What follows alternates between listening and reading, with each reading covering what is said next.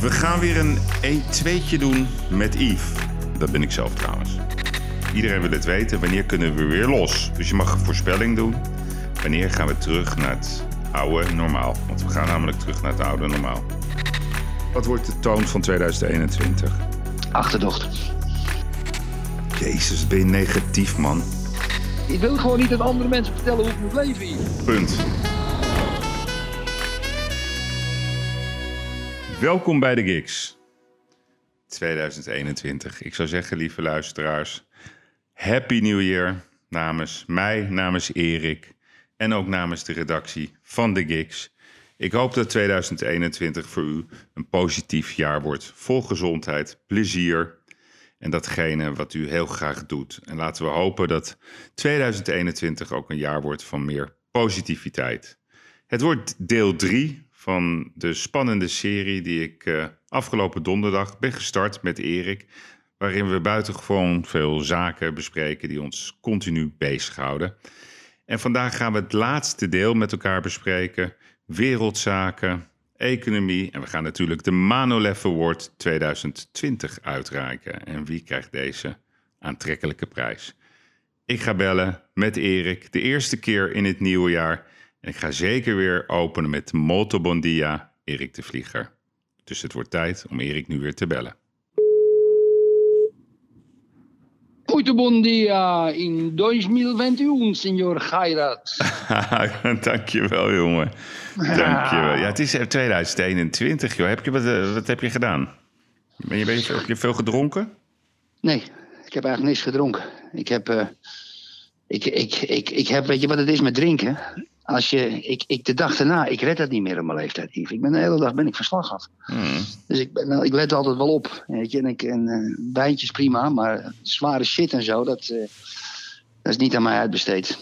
Hmm. Daar ben ik vatbaar voor. Ik heb wel een hele vrolijke dronk, gelukkig. Je hebt ook mensen die Ja. alcohol heel een moeilijke ruzie gaan maken. Ik, ik, ik, kan je echt lachen. Gelukkig is dat. Maar wij hebben vroeger toch echt wel... Jezus Christus, wat hebben Bij wij... mij de- thuis en een zootje wijn, Jezus. wijn, hè? Een hele tafel vol, joh. Ja, en ik, ik weet nog altijd, ik heb nog in, in mijn keuken, waar jouw stoel stond die avonden, daar, daar zijn, dat, dat, dat, ik heb kastanjehout op mijn vloer. Dat is helemaal nog steeds vol met strepen en pitten en deuken. Ik weet niet wat je gedaan hebt. Ja. ja, dat heb ik gedaan. ik ben Ja, schuldig. Ja, natuurlijk. Ja, het mooiste wat ik nog kan herinneren, dat was, ik weet niet meer het jaartal. En toen, jij had shit aan je hoofd, ik had shit aan mijn hoofd. En we, we bleven maar ouwe hoeren en drinken. Toen lagen we echt half lam. En toen zeiden we, we gaan de Telegraaf overnemen. We gaan de telegraaf overnemen. Ik heb een idee, zei jij. ja. Ik denk, nou, daar komt hij. We gaan. Ik denk, nou, dat is een goed idee, joh. ja, hè? Ja, Ja, het ja, lukte alleen even niet. Nee, Nou dat waren we, we, waren, we, we, schatten onszelf iets te hoog in. Ja, inderdaad. hey, wat hebben we veel besproken de afgelopen twee dagen? Jezus, Ja, ja. Ja, ja. Nou, we gaan door. Ja. We hebben nog een lijst. We hebben deel 3, Erik. Ja, en ik had gisteren. ehm, want ik, ik, ik vind het leuk om toch eh, ja, een mooi liedje elke keer voor je uit te zoeken. Eh gisteren zei ik, eh, ja, Lisbeth List, maar ik bedoelde natuurlijk eh, hè, met Ramses Shaffi, laat me. Ja. Omdat ik het zo'n mooi setje vind. Gisteren had jij het over Hazes.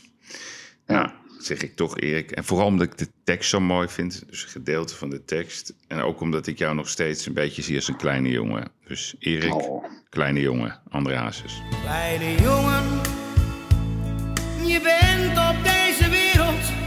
dus zal je moeten vechten, net als ik.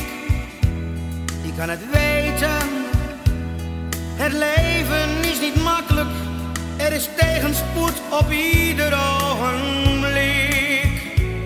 Kleine jongen, er zijn veel goede mensen, maar slechte zijn er ook. Helaas, is waar. Je moet maar denken dat jij straks gaat beseffen dat eerlijk het langste duurt, geloof me maar. Dit leven gaat voorbij.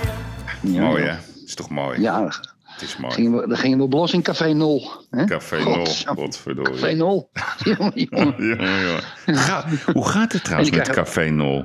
Dat vraag ik me af. Ja, Bestaat dat dat is overgenomen. door- Ja, oh, dat is Jawel. overgenomen, Jawel. toch? Ja, is over, maar de, de, voor een, door een van de meiden die daar werkte. Dat is nog heel ver weg familie van mij ook. Oh, Hoe heet ze ook? Een, een Nel heet ze geloof ik. En dat is een eh, echte volkse vrouw.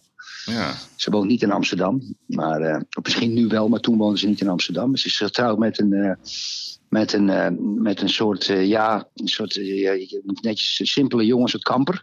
Ja, een Mm. simpele jongen. Hmm. Het is heel goed huwelijk, die houden van elkaar. En eh, ja, dat, is allemaal, dat gaat volgens mij prima. Maar ja, goed, Café Noord is nu ook gesloten. Hmm. De Nou, horeca dat- is... eh, ja. Nou, dat komt goed. Ik raad iedereen aan, ook, ook als je toerist bent in Amsterdam, moet je even naar Café Noord. Ja, Zo is dan, het. Dan, ja, daar is toch nog wel een beetje dat hele oude, gekke Amsterdamse. Dat is een liedje opzingen dat de hele boel op stelte gaat, weet je wel. Heerlijk. Op een leuke manier dan. Ja. Heerlijk, daar hou ik van. Hey Erik, we hebben gisteren eh, zijn we afgesloten met jouw eh, betoog voor het behoud van contant geld. Uitstekend Ja. betoog. Ja, Eh, ja. ja, veel mensen willen weten wat er gaat gebeuren met de AEX in 2021. Wat Ja, denk dat is heel simpel. Wat denk je? is zo simpel. Nou, kijk, dat is, dat, dat is het simpelste voorspelling die ik ooit kan doen. Die gaat de eerste zes maanden nog een beetje pruttelen. En in de aanloop van, van mei, juni naar juli toe, als die COVID onder de knie is, dan worden mensen gek. Dan gaan er weer boten verkocht worden, dan gaan er weer vakanties geboekt worden, dan, gaat, dan gaan er weer dingen gekocht worden. Je kan wel zeggen, ja, mensen hebben geldtekort. Nee, iedereen spaart een beetje ook, hè, van het geld wat binnenkomt. Hmm. Niet iedereen, ja, maar zeg maar de middeninkomens wel. En, eh, en niet, niet heel veel mensen teren op dit moment echt heel sterk in, weet je. Er wordt ook wel een beetje gewerkt. Dus ik denk dat het dan losgaat en dat de A- in, in over de hele wereld. En de AX is natuurlijk. Dan moet je natuurlijk niet alleen maar naar Nederland kijken. Integendeel, de AX is heel gevoelig voor buitenlandse koersen. Maar de Aziatische koersen en de Amerikaanse koersen, die gaan, eh, dat gaat eh, volgens mij in, eh, eind april, mei, juni. Andere cijfers krijgen we dan. De mensen gaan weer naar buiten, de horeca gaat weer open, er wordt weer gegeten, gedronken en uitgegeven. Die gaat skyrocket als een gekkenhuis, Yves. Of er moet wat anders gebeuren, een oorlog of zo. Oké, ik, ik denk dat Wat er een, eh, ja, ik denk dat er een eh, één keer een hele harde beurscorrectie komt, omdat hij is natuurlijk systematisch hoger gehouden door het, eh, Kan, ja. door het pompen van het, eh, ja, van zeg maar plastisch geld. ja. Dus, dus als je gewoon je gezond verstand gebruikt, dan kan het helemaal niet wat er is gebeurd in 2020 met, met een identieke stand eigenlijk als begin van het Ja. jaar met al die ellende. Dus heel Mhm. veel bedrijven zijn natuurlijk systematisch in de lucht gehouden. Dus ik verwacht dat er toch wel wat klappen gaan vallen. Dus zeg Oké. maar bedrijven, oude economie, dat je denkt van ja, heeft dat überhaupt nog zin? Dus ik Mhm. verwacht eh, dat we een hele grote correctie gaan krijgen ergens eh, in mei. ja. Een, een gezonde correctie. En daarna Mhm. gaat het normaliseren. Dus ik denk wel dat er nog een stevig tikkie gaat komen. Ja, even voor onze luisteraars. Ons naaimachinebedrijf, het bedrijf wat mijn vader is begonnen. En wat echt een soort basis was voor verdere uitbreiding. Het naam, industriële naaimachinebedrijf in Haarlem. Die hebben dezelfde omzetten gehad hoor, dit jaar. Dus Ja. eh, goed, die marges zullen wel misschien iets omlaag gaan zijn. Het houdt dus in dat er machines zijn verkocht. Die verkopen machines in de hele wereld. Dat er gewoon kleding gemaakt wordt. Hè? Ja, nee, maar kijk, ik denk, ik denk eh, heel eerlijk gezegd... Kijk, je moet altijd kijken naar de spaarsaldo's. Op, eh, op, op zeg maar wat er op de bank staat. Nou, er heeft eind 2020 nog nooit zoveel spaargeld op de Nederlandse Ja. banken gestaan. Dus er zit Ja. gewoon veel geld in de economie. Maar Ja. waarom ik dit zeg is omdat er te veel geld in de economie is gepompt. Wat tot maar waardevermindering gaat leiden. Te Ja. veel bedrijven zijn, zijn klinisch in de lucht gehouden. Dus Ja, ik, denk, ja. ik denk toch dat die correctie gaat komen. En dat is, helemaal, is helemaal niet erg als dat gebeurt. Want daarna komt die... Next. What goes down must go up. Yep. Oké, Erik. Gaat de eerste toerismereis naar de maan plaatsvinden in 2021? Ja, ik vind dat zo'n onzin. Hmm. Ja, kijk, weet je, en, en niemand zegt er wat over. We, ik, ben ook, ik ben geen klimaatwappie of geen klimaatontkenner of geen gekkie. Maar waarom moeten een paar mensen met een heleboel poen eh, in zo'n raket, die allemaal vieze troep in de lucht gooit, als het niet voor wetenschap is, waarom moeten die de maan op? Wat, wat- wat is dat voor onzin? Laat ze lekker naar ergens anders op vakantie gaan. Hmm. Ik vind het, eh, ik vind het een beetje, ik vind het wanstaltig. Ik vind het een beetje eh, decadent. Hmm. Ik vind dat decadent. Dat vind ik ervan. Ja, Dus ja. voor mij hoeft het niet. Nee, oké. Nee, het is ook decadent. vind jij? Nou ja, ik weet nog dat... eh, eh, bij mij stond ooit op de beurs eh, Michiel Mol. Dat is een, Ja. een serial entrepreneur. En die had toen zo'n zo'n bedrijf opgericht... waarmee je naar de maan kon gaan. En dan kon je een ticket Ja. kopen. En toen had hij Duitse Kroes en Armin van Buren, ja, een soort influencer aan zich gebonden. Die hoefde daar natuurlijk niet voor te betalen. Ik weet niet meer wat zo'n ticket kostte. Volgens mij iets van 30.000 euro. Ik nee, weet, nee, meer. meer 75.000. ja. 75 Oh, Oké, ja. heel goed. Ik weet niet eens meer het bedrag. Ja. Maar die, die, die gingen dan vertellen dat het geweldig is om naar de, naar de maan te vliegen. Hè? Net zoals wij ook af en toe. Net zoals wij roepen dat Coca-Cola zo heerlijk is eh, bij, in de ochtend. Of Erik, Ja. ik heb hier een broodje. We moeten weer even wat verdienen. Een broodje van de keurslager, een broodje rosbief. Oh, de keurslager. Ja, dat koop ik ook graag, Yves. Mm. Ik vind dat wel goed. En eh, ik koop geen beleg meer, hè, Yves? Oh, oké. Trouwens. Oké. Ik koop geen beleg meer. Ik vind het zo'n, dat vind ik echt een verspilling. verspilling. Ik heb daar gewoon geen goed gevoel meer over. Dan heb je een pakje ham of weet ik veel wat servelaat. Dan eet je daar niet op en het ligt dan in de ijskast. En dus, daar, heb ik, daar heb ik toch helemaal geen goed gevoel bij. Dus de keurslager, eh, dat is prima, maar niet beleggen. Oké, maar goed, dus die maan, dat, dat, dat is toen weer fout gegaan, dat bedrijf. Maar die Elon Musk, hè, die is daar zo mee bezig. Het is een soort droom of zo van die man. Ik vind het wel... Ah, dat, is ook, een- dat is ook een bel, dat is ook een bubbel, man. Dat hele Tesla, het gezeik, dat is een Nou, bubbel. denk je dat? beurskoersen. Ja, maar dat dit stort is- toch een keer op. Ja, maar de Tesla, is geen auto, hè? Dat is gewoon een batterij, hè? Wat, wat, wat, wat die mensen verkopen. Ja, maar die, alles is op subsidie gegaan. Alles dat op subsidie Ja, gaat, dat is oneerlijk. gaat hem niet redden. Dat is oneerlijk. Je, kan een Tesla-auto kopen en, en, en er zit zo'n bak subsidie op van belastingsgeld. Ik vind helemaal niks. Ja, nee, maar kijk, ik, ik, ik heb dat vorig jaar had ik het ook met, met, met, met een vermogensbeheerder over. Ja, Tesla, die is dat heel negatief te doen. Maar ik zeg, Tesla is helemaal geen auto. Het is gewoon een batterij wat die mensen kopen. Die willen gewoon uiteindelijk in jouw huis gewoon al je bewegingen controleren. Dus ik vind het wel een interessant bedrijf. Maar wat De ik, ik, Amerikanen, willen, de Amerikanen willen altijd alles controleren. Alles, alles, ik alles. Dingen is waar ik gek van. Maar Erik, ik denk wel ehm, dat we eind van het jaar iets gaan, gaan, gaan, gaan zien. Wat, eh, wat betreft het eh, reizen naar de maan. Ik vind het wel spannend. Ik vind het eigenlijk wel spannend. Ik vind het wel decadent. Dus dat, dat gedeelte vind ik onzin. Maar ik vind het wel spannend om het leven op planeet een keer te mogen zien. Dat boeit mij wel. Dat boeit mij wel. Ja, ik niet. Dan denk je, de- in, in, in de Sahara is het leuker hoor, dan op de maan hoor. Oké. Oké. Mm. Erik, wie gaan er failliet in 2021? Ja, ik heb grote namen dan, hè? Grote namen. Philips. Philips. Ja? Ja. Ja. Ja. Ja, Philips. Dat heb ik altijd gezegd. heb ik al jaren gezegd. Ik weet niet of ze volgend jaar failliet gaan. Maar ze zijn op de nominatie om, om overgenomen te worden. Of ze gaan, die, gaan, die gaan eraan.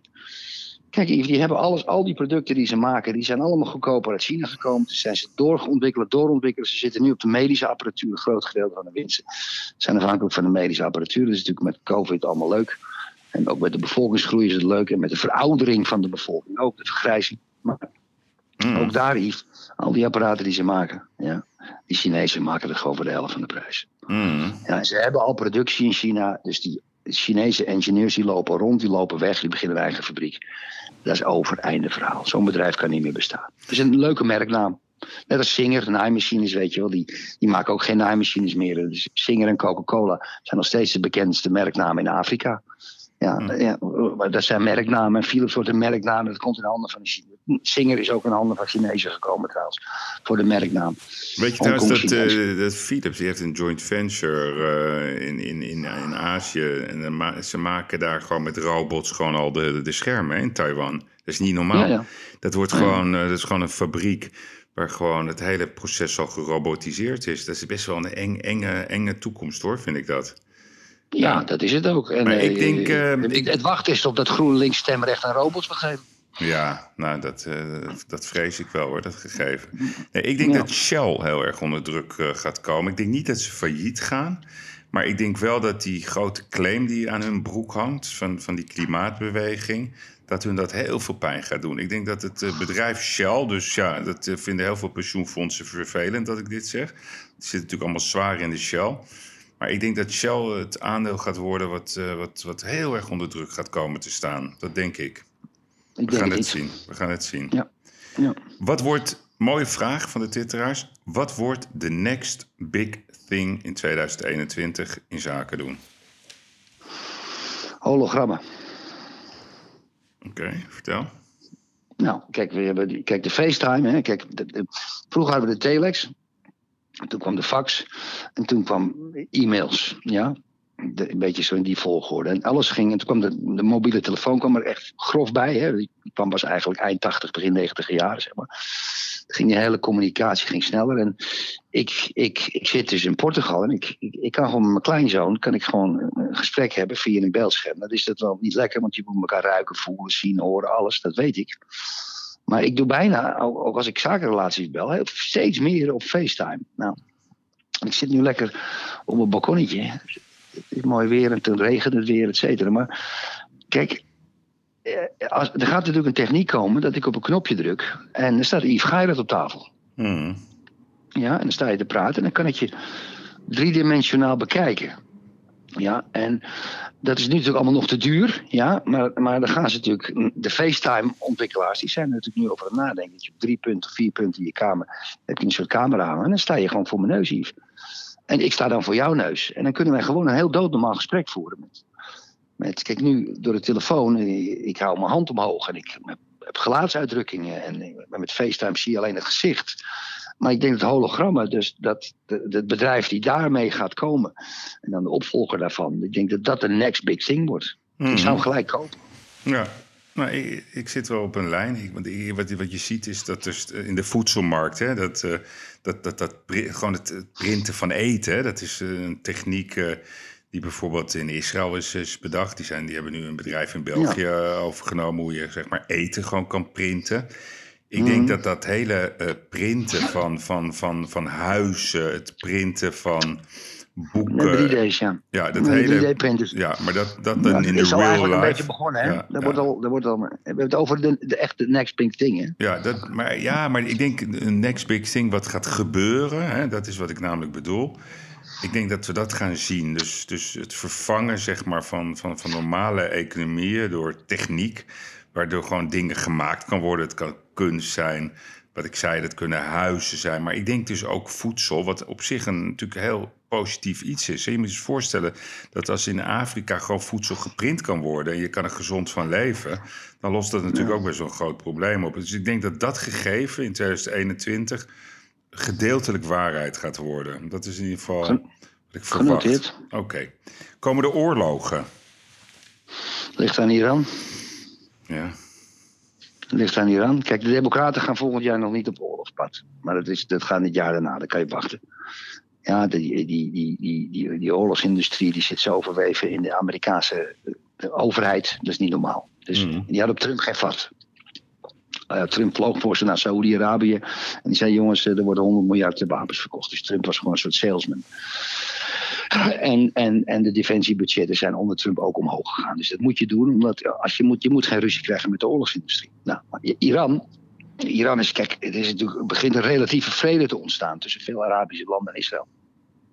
Let wel, een, relatieve vrede, hè, want onderuit zit natuurlijk nog heel veel anti-Israël. Maar Iran, ja, die wijken niet met die, met die, met die, ehm, eh, met die kernenergie. Hè, die ze zeggen dat ze voor vreedzame doeleinden gebruiken. Maar iedereen weet, ja, eh, als, Iran, als Iran in de buurt komt van een atoombom, dan bombarderen die Israëli's de hele, alles plat. Alles plat. En niet alleen de grotten waar die, waar, die, waar, die, waar die bom gemaakt wordt of ligt. Misschien kunnen ze daar geen eens bij omdat het te diep is. Zoals ze hele unieke bommen hebben ontwikkeld. Die gewoon door 10 meter rots gaan en dan is aan het ploffen. Dat is uniek. Maar als dat niet lukt, dan moeten ze de hele infrastructuur in Iran uit gaan schakelen. En dat doet Israël dan. Ja, dus het ligt aan Iran hoe ver ze gaan met die atoombom. Of we oorlog krijgen of niet. Mhm. Want Israëliërs gaan absoluut aanvallen. Als Iran de bom heeft.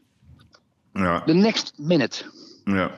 Maar wat ik hoorde laatst is dat, dat, dat, dat zeg maar door al die economische maatregelen... dat er ongelooflijk veel onderhandse handel eigenlijk is. Hè? Dus tussen Iran en tussen China en tussen eh, Rusland, India. Er wordt gewoon ongelooflijk veel olie gewoon onderhands geleverd hè, door al die sancties. Dus, eh, dus, dat- dus Iran is, is, het idee ontstaat heel erg dat in Iran zeg maar, een situatie is dat er geen geld is. Maar de praktijk is dat het geld bij de macht zit en dat de mensen lijden daar met een lange ei. Ja.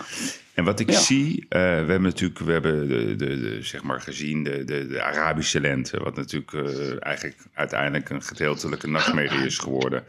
Maar ik zie toch een, een, een revival ontstaan in het Midden-Oosten. En dat komt omdat je steeds meer landen ziet in het Midden-Oosten. We zien het in Abu Dhabi, we zien het in, in, in, in, Dubai.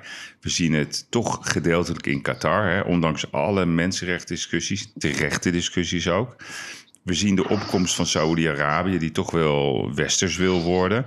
Dus ik heb het idee dat eh, die oorlog, eh, waar natuurlijk iedereen bang voor is, want dat, dat zou een ongelofelijke escalatie kunnen zijn, dat de belangen in positieve zin zo groot worden dat, dat zeg maar de harde regimes het toch gaan verliezen. Dus ik denk Ja, dat er geen dat oorlog gaat komen. Ik denk dat er geen oorlog gaat komen. Ik voel Ja. gewoon dat 2021 een soort nieuw leven wordt. Dat is wat, wat mijn gevoel zegt. En waarom ik dat zeg, heb ik geen idee. Oké, dat is- kan Yves. Ik voel dat. Dat kan Yves. Ja, maar ik heb nog een dark horse voorspelling voor je dan. Mm. Er gaat een conflict ontstaan om Taiwan heen. Ja, maar dat is er Ja, al. dat is. Nee, nee, dat wordt steeds sterker. Kijk, de, de, de, de Chinezen die vergroten hun ehm, zeevloot met zo'n onzagwekkend tempo. Eh, die hele Zuid-Chinese zee, ook omdat daar grondstofbelangen liggen. Hè, eh, eh, Shell-conflicten tussen Indonesië en China, Vietnam en China. Dat die Chinezen te dichtbij komen. En dat kunnen die Amerikanen kunnen dat niet meer beschermen. Je kan, je, je kan er niet met vliegtuigschip en dan was alles weer kalm. Maar die Chinezen die zijn die dingen ook aan het bouwen. De eerste die ze kregen, die kregen ze van Rusland, de gebruikte, die zijn ze gaan bekijken en nu bouwen ze ze zelf. En Taiwan is voor China nou eenmaal China. Ja? En dat willen ze koet, koet, koet terug hebben. Net als Hongkong. Maar Hongkong was een contract. Ja, net de zoals de, de is. Russen met de Krim. 1970 Hè, zoals de Russen met de Krim.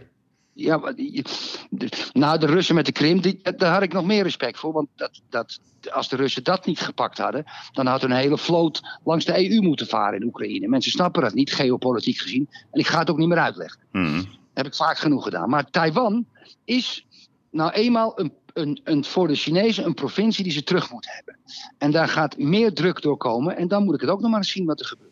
Maar Ja. goed, dat is dat. Oké, oké. Nou, ja, ik denk dat, dat, dat... Kijk, de Chinezen zijn gewoon niet meer te stoppen. Ehm, en ik denk dat... eh, Ja, ik heb zelf natuurlijk gezien hoe dat daar gaan, toe gaat in China. Dat is, dat is gewoon eigenlijk gewoon een soort eh, democratische dictatuur. Laten we daar gewoon eerlijk over zijn. Als je ook ziet hoe ze om zijn Ja. gegaan met die vrouw die over Wuhan berichtte. De journalistiek is Hoppa, daar... vier jaar in de links. ja, vier jaar echt in de links. Ja. krankzinnig. Ja. Maar de Chinezen zijn zo groot en sterk geworden. Daar kan, je, daar, daar, Mhm. daar kan je geen wedstrijd van beginnen. Dat gaat niemand zal ze gaan aanvallen. Dus ja, ik denk dat ze zelf, Hongkong hebben ze een punt gemaakt. Maar ik kan me niet voorstellen dat ze zo dom zijn. Want ik taxeer ze niet als dom. Dat ze, dat ze Taiwan gaan afpakken. Ik, ik, ik, ik, ik zie het niet. Ik vind, Taiwan, ik vind Taiwan nog gevaarlijker als Iran. Omdat China zo sterk is, snap je? Oké, alright. Ja, alright. Oké, next punt. ja jouw domein. De particuliere huizenprijs in Nederland. Veel mensen vragen dat. Wat moet ik doen? Ja, Ja, het is zo makkelijk. iedereen vraagt dat. Het is zo makkelijk. Kijk, ook met mijn antwoord over de AIX, eerste helft van het jaar, tweede helft van het jaar. Kijk, om te beginnen gaan de beleggers, institutionele beleggers, particuliere beleggers, die gaan niet meer in kantorenpanden in, in, in, aan de rand van de ringweg van Rotterdam of in Sloterdijk, Amsterdam of, of in Zuidoost. Die beleggers, hè, er zijn ook geen bedrijven die op dit moment met 500 man een 10-jarig huurcontract ondertekenen voor een pand van 12.000 meter, 250 werkplekken. Kijk, dat, die beleggers die gaan daarvan weg. Dan heb je de winkels. Mm. Die winkels die zijn eigenlijk allemaal, liggen allemaal in het infuus. Dat komt nog een stukje beter. A1-winkels altijd goed. B1-winkels ook altijd goed. Maar B2 en C1-winkels, dus echt in die derde rangs locaties. Het buurtsupertje. Ja, dat, dat is ook allemaal geen belegging. Leisure, ja, je kan ook in leisure het goed. Vakantieparken. Ja, dat, dat, dat, dat gaat goed in Portugal. Zal ik je eerlijk vertellen, dat, dat, wordt een, dat wordt een grotere markt. Sterker dan het nu zelfs is. Maar je gaat niet in een vakantiepark of in weet ik wat investeren. Dat, is, dat gaat niet gebeuren. Dus de enige manier In Nederland geld niet? veilig... Nou, niet echt. Dat zit allemaal een beetje vol. Nou, En, en Waterland. trouwens, eh, die markt is ook te klein, Yves. Ik heb het over miljarden investeren. Ja, er zijn miljarden die bij beleggers, institutionele beleggers, pensioenfondsen, particuliere beleggers, mensen die een half miljoen hebben. Ja, daar, daar die, die, die, die hebben geld en die bank die zegt maar: oké, u krijgt negatieve rente, 0,2% gaat van je geld af. Dus waar ga je in investeren? In iets veiligs. Hè? Dan kan je in goud doen, dat zal allemaal wel. Ja, je kan ook in de yo-yo van een bitcoin doen, daar hebben we het in de vorige uitzending over gehad. Maar een woning, een redelijke woning op een redelijke plek, is altijd goed. Hmm. Altijd goed. Het kan een beetje omlaag gaan, ja, het kan een beetje omhoog gaan. Dus ik denk dat er nog een grotere vlucht komt van geld, cash. Niet cash als in bankbiljetten, maar cash wat op de bank staat. Hmm. Naar de aankoop en de ontwikkeling van woningen. Ja? Liefst voor de verhuur. Dat de woningprijs. ehm, we ain't seen nothing yet. Hmm. Ik denk dat Amsterdam gewoon dat normaal binnen de ringweg eh, een gemiddelde gaat krijgen tussen de 16 en de 24.000 euro per vierkante meter. Ja. Dat gaat gebeuren. Ja, dat gaat echt gebeuren. Dat de vrije huren 3, 4, 5.000 euro gaan. Ja, dat gaat allemaal zwaar omhoog, omdat dat geld. Er, er wordt, en er wordt, kijk, vroeger, en dat zal ik even aan de, aan de luisteraar uitleggen. Vroeger, nee, maar kijk. Als je bijvoorbeeld een pand kocht voor 12 keer de huur. En een 12 keer de huur, 12,5 keer de huur, dat is 8% aanvangrendement. Dus je koopt een gebouw en er, en er zit een belegger in. En er is 8000 euro huur betaalt hij per jaar, ik noem maar wat. Ja, er zit een bedrijf in. En als je dan 12,5 keer de huur betaalt, dat is 100.000 euro. Ja, Mhm. dus dat is de rekensom. Nou, de woningen die door institutionele beleggers nu al worden gekocht in München, in Frankfurt, in Londen, die kopen ze voor een aanvangsrendement van 2%. Dat houdt in 50 keer de huur.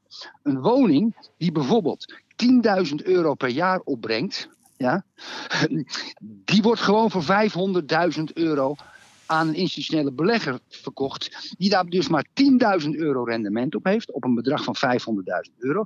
Maar dat is nog altijd beter dan een negatief rendement van 0,2%. Want dat is de Euribor, of 0,5% de Euribor, wat het ook is. Dus die vlucht naar veiligheid, en dat is woningen, die heb ik net uitgelegd, rela- gerelateerd aan andere type eh bedrijfsonroerend goed, zal nog groter worden, Yves. Ja. Oké, wat even ook, ook voor gewoon. ehm, Eh, oké, ook wat oké. Nee, nee, maar ik, ik, ik- dit is, jou, is jouw kennis, het is jouw analyse. Dus daarom zeg ik oké. Maar, maar, maar, maar, snijdt het hout? Of is het gewoon oké, de vlieger leuk gezegd, je bent een lul? Nee, het is oké gezegd. Maar kijk, jij, jij, jij, jij zei de vorige keer ook code oranje. Dus waarom zeg ik oké? Eh, nee, maar even voor duidelijkheid. Hè. Dus dit is best wel technisch hoe je het uitlegt.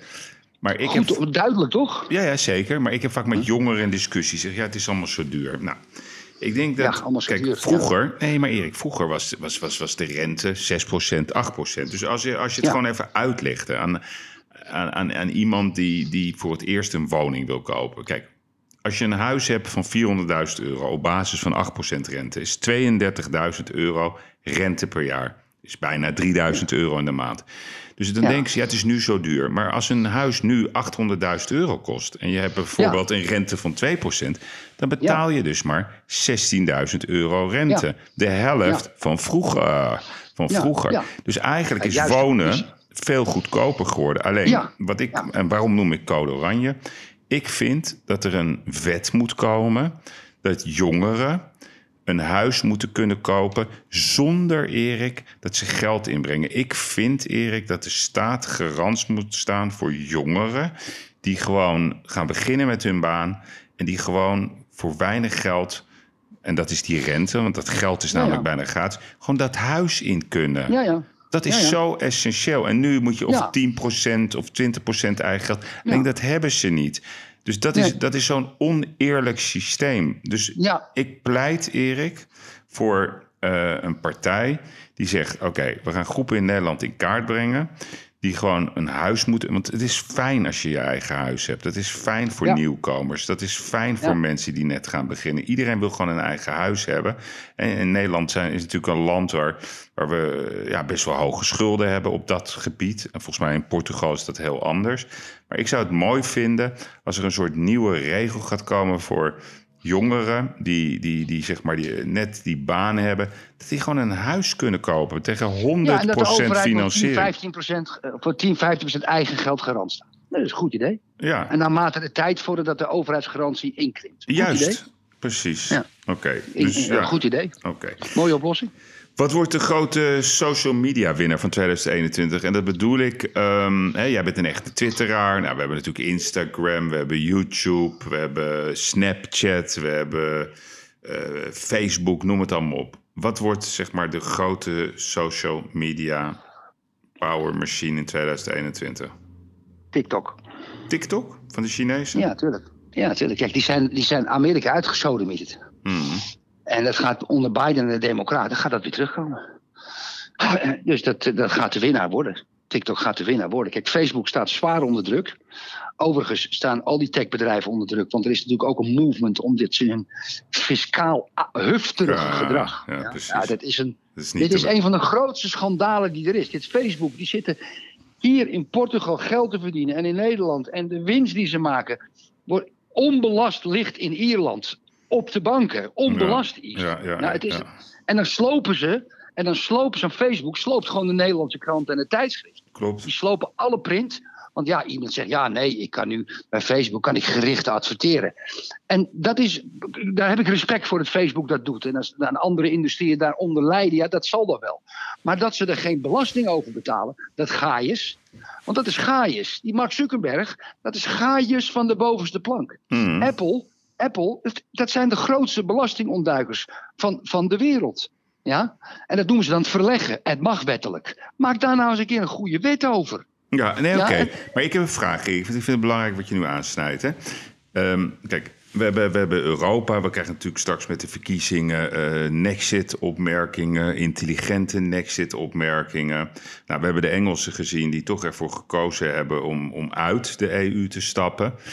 Ja. Hoe kijk jij zelf nou naar gewoon de functie van Europa? En dan in historisch perspectief zeggen ze altijd tegen ons: Europa is er om, om geen oorlog, hè? dus eh, te tegenhouden. Van, daar zijn we natuurlijk allemaal voor. Maar wat vind jij nou in een, in een soort ideale wereld dat de rol zou moeten zijn van Europa? Wat is de taak, de taak van de EU ervan uitgaande dat ze in leven blijven? Kijk, Yves, kijk. Weet je,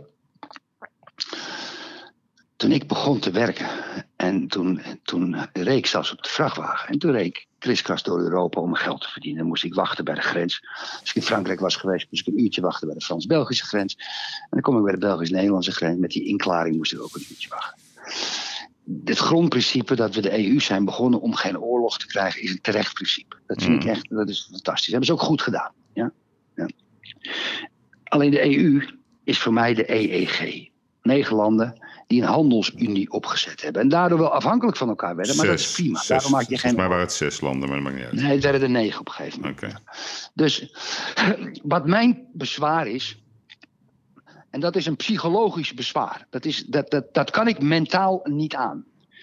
Ik kan het mentaal niet aan dat iemand uit een ander land fundamentele beslissingen neemt over mijn land. Hmm over mijn dorp, over mijn straat, over mijn. Wij hebben. Ik kan wel zeggen, ja, ik wil niet dat Rotterdam iets over Amsterdam te zeggen heeft. Nee, nee, nee, nee, nee. We hebben een grens. Dat hebben we met z'n allen afgesproken. Ja? Dat is onze grens. Dat is ons land. Daar voelen we ons soeverein. Ja? En we moeten handel drijven met andere landen. Dat is belangrijk. Dat is heel goed. De economie moet groeien. Het is ook debatable waarom een economie moet groeien. Maar dat even terzijde.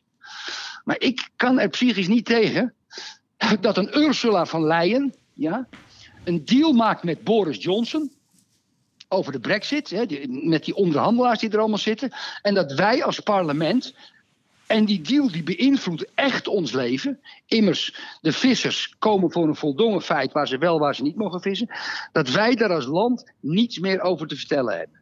En dat, Yves, wordt steeds erger. Hmm. Die mensen in de EU in Brussel, plus die slaven van de VVD, van de CDA, van de D66, van de GroenLinks, de slaven die hun oren laten hangen naar andere volkeren die wat over ons te zeggen hebben, fundamentele dingen, hè, niet over, weet ik, futiliteiten, fundamentele dingen, daar, daar gaat een gigantisch probleem mee komen. Nou, met de mensen die geen slaven zijn. Ik hoop mijn luisteraars ook. Dus ik ben voor een intelligente exit.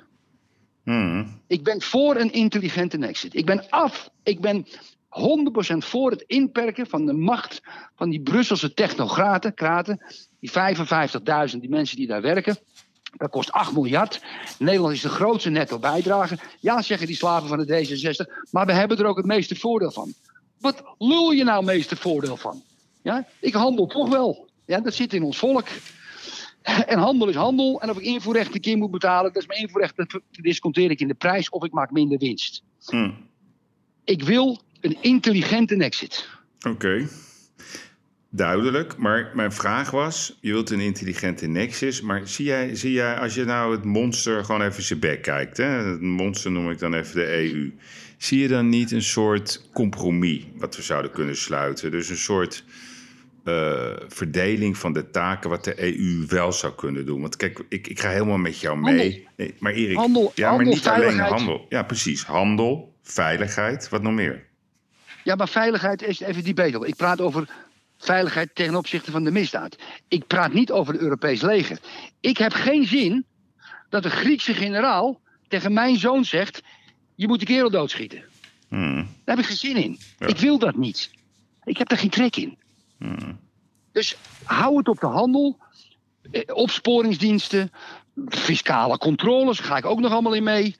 Dus als ik, er kan iemand zijn die naar een ander land gaat en die zegt daar de belasting ontduikt en eh, eh, weet ik veel wat, er moet overleg zijn. Cultureel misschien hartstikke leuk, universiteiten, scholing, het uitwisselen van studenten, allemaal fantastisch. Ja, andere culturen leren, prachtig. Maar that's it. Hmm. That's it. Niet over onze wetten. Kijk, als ik naar de rechter ga in Nederland, kan diegene kan, kan over het ook nog eens een keer naar de Europese rechter gaan. Wat heb ik met de rechtbank in, in Straatsburg te maken, Yves? Ja. Wat heb, ik, wat heb ik als Nederlander met de rechtbank daar te maken? Ik wil dat niet. Ik wil een intelligente exit. Oké. Dat wil ik. Oké, nee, dat mag. Ik zie het anders. Ehm, kijk, ik, ik denk dat het sowieso onhoudbaar is wat ze daar hebben neergezet. Ehm, je hebt het gezien aan de Engelsen. En ik denk dat de Engelsen er uiteindelijk hè, hartstikke goed uit gaan komen.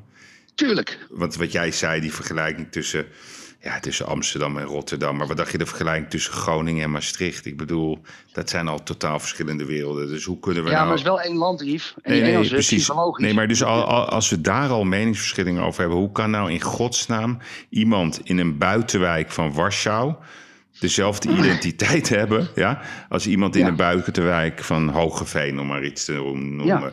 Dus kijk, wat, Ja. wat, ik heb er wel heel diep over nagedacht. Dus voor mij is namelijk de kern van alles is fiscaliteit. Ik, ik, ik, ik, ik haat, ik haat ehm, die bedrijven, Erik. Ik haat ze echt, hè die zo slim doen met al die constructies.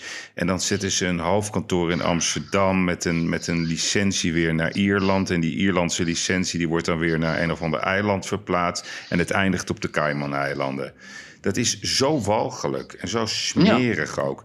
Dus voor me, ik zou wel heel blij worden als... als Allemaal Amerikanen, hoor. ja, hij is Amerikaan. Dus ik zou wel heel blij zijn als er een Europa zou zijn die zegt: Weet je wat, wij gaan gewoon voor één fiscaal systeem. Maar ook, we hebben geleerd van 2020, het jaar is net, eh, hebben we achter ons gelaten, hoe eh, kwetsbaar we eigenlijk zijn als er een pandemie uitbreekt. En we hebben de laatste nog niet gehad. Dat weet jij en ik weet dat ook. Er komt zeker weer een andere pandemie. We hebben ook gezien, is op zich opmerkelijk, dat je in, binnen een jaar tijd een vaccin kan ontwikkelen. Nou, of dat wel of niet allemaal fantastisch is, de toekomst zal het moeten leren. Maar dat zijn fundamenten waar ik van zeg: van hoezo moeten we dat allemaal lokaal doen? We zijn toch één Europa? We hebben gezien, Erik, elk land had zijn eigen maatregelen in 2020. Ik zat de hele tijd: hallo, waar is Europa? We hebben niet één keer één systeem gehad. Elk, elk Kan je, land. wat de, kan je nagaan wat de koekenbakkers het zijn? Wat een koekenbakkers het zijn. Afschaffen die handel. Mensen denken dat corona bij de grens stopt. Dat vond ik de vraag van het jaar in het tv-programma. Dat was een jongen. Ja. Voor het eerst gingen ze bij, bij de Jinek, volgens mij was dat. En dan zijn ze met jongeren praten. Toen zegt één jongen: Ja, mag ik, mag ik wat vragen? Stopt corona bij de grens? Dat was een hele goede vraag. ja. Nee, natuurlijk stopt corona niet bij de grens. Dus hoe wil je nou een gezondheidsprobleem op lokaal niveau aanpakken? Dat moet je nooit doen. Dat moet je samen doen. Klimaat. Ik heb het zelf met mijn eigen ogen gezien. De, de, de smerigheid in Rusland, de smerigheid in China, hoe ze daar omgaan met grond. God, hoe ze daar, niet normaal. Ja, En dan gaan wij hier in Nederland weer als beste jongetje van de klas... onder aanvoering van onze grote klimaatleider Jesse Klaver... vertellen hoe het klimaat werkt. Dat werkt ook niet. Dus ik vind dat wereldzaken... Ik vind dat het ceremonieel bijna moet zijn. Dat moet worden aangestuurd daar, Ja, door, door, door, door, door, Brussel. En wij moeten gewoon weer terug naar onze, onze eigen, eigen, eigen afdeling. Onze eigen Ja, BV Nederland en Je hebt een ambitie. heel lang verhaal nodig om, je hebt een heel lang verhaal nodig om ja te zeggen tegen mijn betoog. Ja, maar jij bent Jij, voor een jij wil ook een nexit. intelligente nexit. Ja, maar en nexit, over het klimaat ja. gesproken, daar hebben we een Nee. klimaatakkoord in Parijs voor. Ja, weet ik. Alleen ik vind zo'n nexit, weet je, dan denk ik, dan gaan we weer vijf jaar gezeik tegemoet. Het moet anders. Zo, ook daar, nexit. ik zeg ook daar weer, Erik, twee derde moet weg. Twee derde moet weg in Brussel. En, en, en, en, en de mensen in Europa gaan Meer? gewoon bepalen. Ja, dat is het. Zo zie ik het. Ik geloof er niet in om altijd maar weer iedereen weg te sturen. Je moet ook kijken wat is wel goed aan Europa. En wat kunnen we zelf? Weet je, de mensen hoeven niet alles voor ons op te lossen. Straks gaan ze nog vertellen dat we één Europees voetbalelftal hebben. Hou Gaan op. ze. Ga- Hou gaan op. ze. Hou. Yves, Yves, you have no idea. Ja. Wat die fascisten van zo'n Kiefer Hofstad, wat die mensen allemaal Nou, willen. niet, niet roepen Die wil dat we allemaal, die wil dat we Nee. allemaal, die wil dat, ja, dat is een fascist. Die wil Nee. dat we allemaal hetzelfde worden, Yves. Allemaal onder één Nee, Europees leger. het. Maar dat ik, is wil, het. ik wil dat niet. Maar dat is ik wat ze dat, willen. Dat is, dat is een totali, willen Maar dat vind ik een goede democratisch, totalitair regime. Ik wil dat niet. Yves. Nee, nee ik duidelijk. wil het ik ook niet. niet. Oké, duidelijk. Oké, duidelijk. duidelijk. Hey Erik, ehm, Big Tech Ja. 2021. Wat gaat er gebeuren? Ja. Nee, kijk. Ze hebben natuurlijk de goede, kans van de goede kant gekozen door die democraten te steunen. En, want Trump had ze. Als Trump had gewonnen, had Trump ze. Nou, ik wil niet zeggen afgebroken, maar Trump had wetten er doorheen gegooid. Mits hij in, in, in het huis van afgevaardigden meerderheid had gehad. Die had ze op een verschrikkelijke manier aangepakt. Maar echt op een vreselijke manier. Eh, Trump was daar heel, zeg maar even gek genoeg, links in. Democraten, die zijn natuurlijk geholpen door de big techs. Dus er zijn afspraken gemaakt. Dus vanuit Amerika hoef je niets te verwachten. En ik denk, kijk, er, is ook, er komen ook bijna geen nieuwe big techs meer op de markt. Want als het een goede start-up is, worden ze gekocht en dan geïntegreerd bij de huidige big techs. Volgens mij Facebook en WhatsApp gekocht, dat soort dingen. Ze kopen elkaar allemaal op. Dus die reuzen worden steeds groter. En die eigenaren, die machtsbelustelingen, zoals Zuckerman en die gozer van Twitter, is- die, die, die zijn natuurlijk ook een beetje door het congres ter verantwoording geroepen. Met allemaal advocaten om zich heen. Met een heel raar gesprek. Ik denk dat, die, eh, dat, ze, dat het gewoon allemaal hetzelfde blijft. Facebook komt een beetje onder druk. En in Europa, en in Europa zal er misschien eh, fiscale, nieuwe fiscale regels komen. Dat ze belasting gaan betalen. Dat gaan ze dan ook uiteindelijk doen. En China, hè, wat wordt toch in 2028, dat hebben ze dus berekend. Ze zeiden eerst in, 2002, in 2033 is China een grotere economie dan Amerika. Dat hebben ze bijgesteld Hmm. naar 2028. China krijgt zijn eigen big techs. Ja, die gaan, die gaan mondjes maken. Maar dat die zie je al, hè? je noemde net je, TikTok. TikTok. Ja, dat zijn allemaal die komt zijn, veel meer. die geloof me nou in Chinezen. En ze komen allemaal grote big tech bedrijven die ook de wereld gaan domineren. Dat heeft geen zin of ze winst maken, dat maakt niet uit. Dat wordt allemaal gefinancierd vanuit de banken die weer door de staat gefinancierd worden. Zo gaat het altijd. Als eentje in problemen komt, moet een ander het overnemen. Dat is gewoon een beslissing ja, van, de, van de overheid, de lokale overheid ook. Dit moet je gewoon nakomen. Of lig je kop eraf als ondernemer. Ja. Dat is heel simpel. Dus dat is mijn verhaal over de big techs. Hmm. Maar goed, als je bijvoorbeeld kijkt, ook dat las ik laatst, dat de Tesla was nog aangeboden voor 60 miljard aan Apple. Dat heeft Apple toen geweigerd. Het is nu 600 miljard waard om even om de idioterie van, van, die, van die blokken aan te Ja. geven. Kijk, Ja, kijk, ja, wat- mag- eng, eng, eng. Ja, eng. ik vind het eng. En dus wat ik eigenlijk prettig zou vinden. eh, punt 1, Erik. En daar hebben we het net over gehad. En jij was er ook duidelijk over. Het mag niet meer zo zijn. Niet, nooit, ever. Dat de grote big te- techbedrijven fiscaal goochelen. Het moet gewoon, zij moeten het- de hoogste belastingen betalen. Het moet gewoon permanent stoppen. Die eerste Ja. constructies moeten stoppen. Noem het Ja. allemaal op. En dan krijg Belasting je, in het land en- en- betalen waar je geld verdient. Juist, en dan krijg je veel... Dat kunnen ze, die softwareprogramma's ze kunnen alles ontwikkelen, dat kunnen ze ook. Maar dat is ook waar de mol over klaagt natuurlijk. Hè. Die zegt, ja, ons hele medialandschap wordt, wordt, wordt, wordt gestolen eigenlijk... door partijen waar ik helemaal niet tegenop kan... omdat ze zo slim lopen te doen. Maar even Google, over, over de... Google sloopt alles, Yves. Ja, hebben, ze al alles. gedaan. Hebben ze al gedaan. Ja.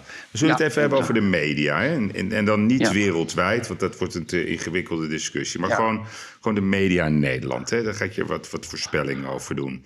Kijk, ehm, Dat is jouw vak. ja, dus 2020 is best wel een interessant jaar geweest. Hè? Als je kijkt naar de podcast, hè, wij doen dat ook. Het podcastje, nou, we, gaan, we, gaan, we gaan voor nummer 1 positie in 2021. En ik denk dat we... Sta, staan, we al, staan we nu al, hè? 2021, let maar op. Ja, nee, dus dat, dat, maar wat, wat, wat interessant is, kijk, vroeger, eh, vroeger, vroeger Vroeger. Ja. Vroeger. hadden we natuurlijk zo'n eh, een, een ongelofelijke eh, beïnvloeding vanuit bepaalde kanalen. En we hebben het in corona gezien, omdat de mensen thuis moesten blijven, dat NPO leading was. En als je dan kijkt naar de kijkcijfers. Wat zij gedaan hebben, ze hebben een scorebordjournalistiek gedaan. Dus de NPO dacht, oh, wat doen we het goed hè, met al die, met al die duo-presentaties.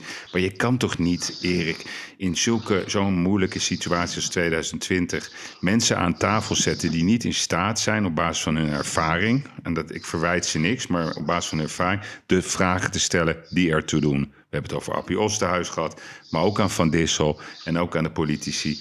Dus daardoor eh, hebben we nooit de discussies op tv gezien die, waar de mensen zo boos over werden en waar de mensen zo Ja. gefrustreerd over werden. Maar wat dachten Ja. ze bij de NPO? Ja, we doen het goed. Want, kijk maar, de kijkcijfers zijn goed. Nou, ik ga je voorspellen, zodra corona los is, stort het helemaal als een kaartenhuis in elkaar. Want Ja. we- weet je wat ze al doen met de kijkcijfers? Dat is heel belangrijk, hè? Kijkcijfers, kijkcijfers. Maar vroeger kreeg je gewoon één, één getal. En wat ze nu al doen, dat is een, dat is een, dat is een weg naar voren. Als je kijkt elke dag op, op kijkcijfers, is gewoon een app. Dus iedereen die dat wil volgen, download de app van de, van de SKO. Dat zijn de kijkcijfers. En dan zie je nu een, een getal absoluut en een, een getal relatief. En wat is de truc daarvan? Dat als je bijvoorbeeld 500.000 kijkers hebt, wat heel slecht is voor de NPO, zeggen ze nee, we hebben 1,8 miljoen. Dus de optelsom van elk moment dat iemand kijkt. En waarom ze dat gedaan hebben, Erik? Omdat ze als de dood zijn, dat zometeen al die Ja. adverteerders gaan weglopen, want ze hebben niet meer het bereik. Nou, en wat bedoel ik daarmee? We gaan een trend zien de komende jaren van veel meer losse kanalen van mensen die het gewoon zat zijn. En dus ja, eigenlijk de beïnvloedingsmaatschappij vanuit de huiskamer. En dat is eigenlijk wat, die, wat, wat één, de podcast is. Maar straks krijgen we ook eh, virtual, dat mensen gewoon hun eigen studio's hebben.